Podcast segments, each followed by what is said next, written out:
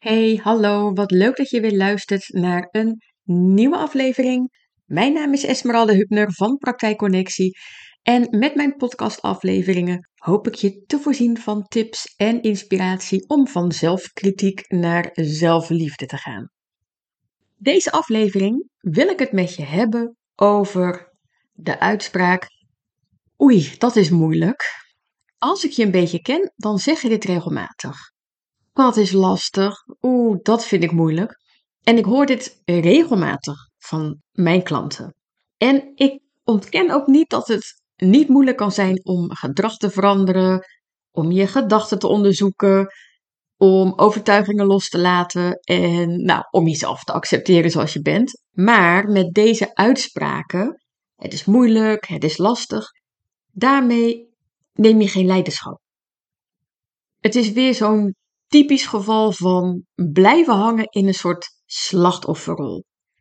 Dus als jij jezelf erop betrapt dat je dit zegt of dat je dit denkt, stel jezelf dan eens de volgende vraag: wat vind ik dan precies moeilijk? Want dan kan je er iets aan doen. Tien keer roepen dat iets moeilijk is, dat maakt het er niet makkelijker op. Je blijft hangen in die staat waar je in zit. Nou, een voorbeeld. Zoals je misschien hebt gemerkt, ben ik nu drie keer in het week aan het podcasten. En dit deed ik eerst één keer in de week. En vorig jaar een hele periode zelfs helemaal niet. Wat denk je wat er was gebeurd als ik was blijven roepen? Dat is wel heel moeilijk. Drie keer in de week. Poepoe, dat is lastig. Nou, dan gebeurt er dus niks. En kijk, weet je wat ik dus moeilijk zou kunnen vinden hiervan? Is de tijd ervoor vrijmaken. Nou, dat is een kwestie van goed plannen. En ik zou het ook lastig kunnen vinden om inspiratie te hebben. Daar heb ik nu nog geen last van, maar stel je voor dat dit wel een probleem zou zijn, dan zou ik kunnen gaan nadenken hoe ik aan inspiratie of onderwerpen kan komen. En dan zou ik er bijvoorbeeld een uur over kunnen brainstormen. Een ander voorbeeld. Stel je voor dat je bij mij in een één op één traject zit en je krijgt van mij een praktische oefening. Ik zeg bijvoorbeeld: ga de komende twee weken iedere avond opschrijven wat je goed hebt gedaan die dag. Waar je trots op bent. En iedere dag vijf dingen. Oh ja, maar dat is moeilijk. Nee, het is niet moeilijk. Wat vind jij er moeilijk aan? Wat maakt dat jij het zo lastig vindt? Ben je bijvoorbeeld bang dat je niks kan verzinnen? Denk je dat je niks goed doet op een dag? Of heb je een soort van schaamte om te zeggen dat je iets goed hebt gedaan? Of mag je niet trots zijn op jezelf? Van jezelf heb je dat vroeger geleerd dat dat niet hoort. Dus wat is er precies aan de hand? En als je dat weet, dan kun je daarmee aan de slag. En dan kan je daarmee verder. Of, nou, deze is ook een voorbeeld.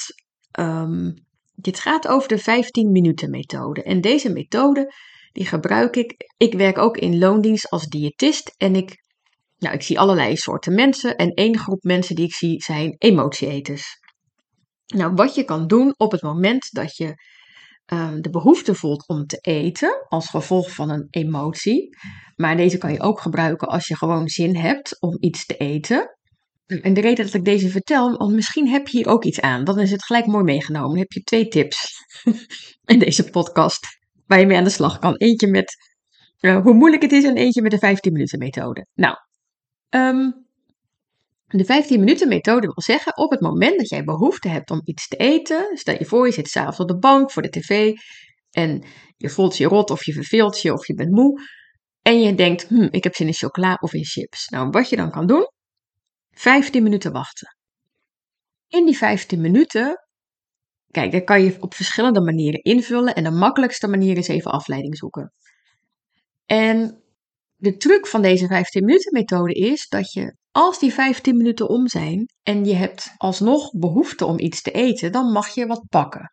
Dus het gaat er niet om dat jij helemaal niks mag snoepen, dat je niks mag gaan eten. Want als iets niet mag, dan wordt het alleen maar ingewikkelder. Het gaat erom om echt het oefenen in het uitstellen. Dus niet gelijk toegeven aan die impuls om te eten.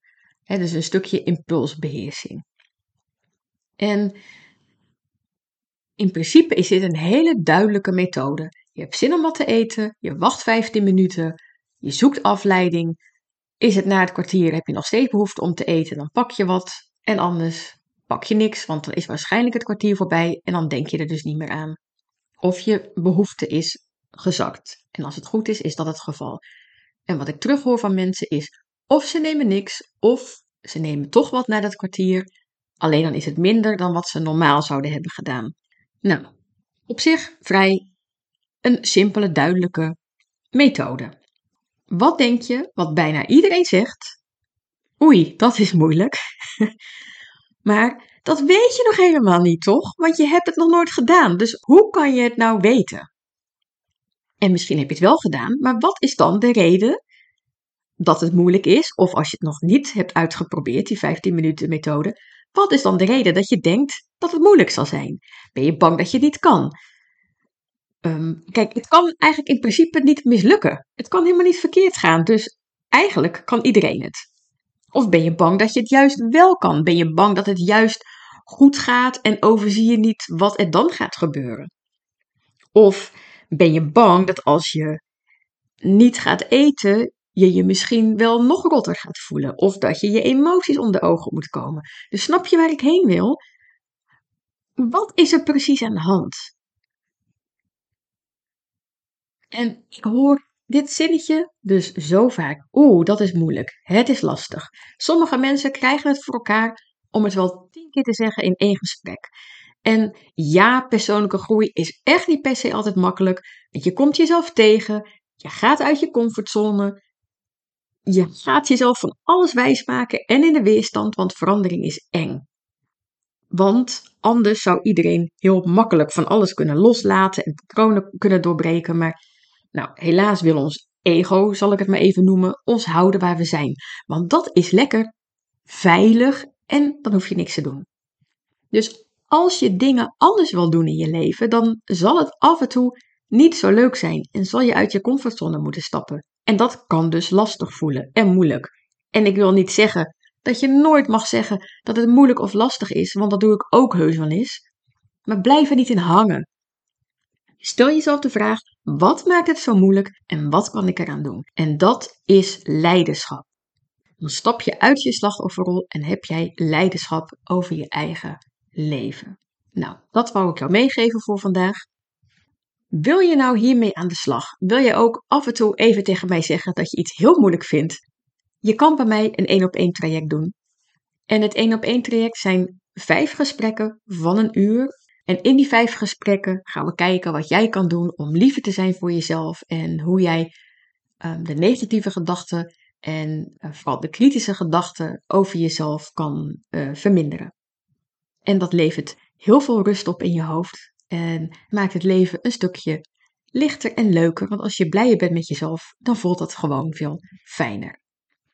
Als je mee wilt doen met zo'n traject, met het 1 op 1 traject, stuur mij even een berichtje, een mailtje, een appje. En dan boeken we een, een sessie in. En die sessie duurt ongeveer een half uur. En daarin gaan we kijken, krijg je sowieso tips van mij. En daarin gaan we kijken um, of ik iets voor jou kan betekenen en of we bij elkaar passen. En dat één op één traject, kan uh, zowel online en ook fysiek in Goes. Dankjewel weer voor het luisteren. Ik hoop dat je er iets aan hebt gehad. Stuur me een berichtje. Ik vind het echt superleuk om wat van jullie te horen. En, en nog een hele fijne dag. Doei!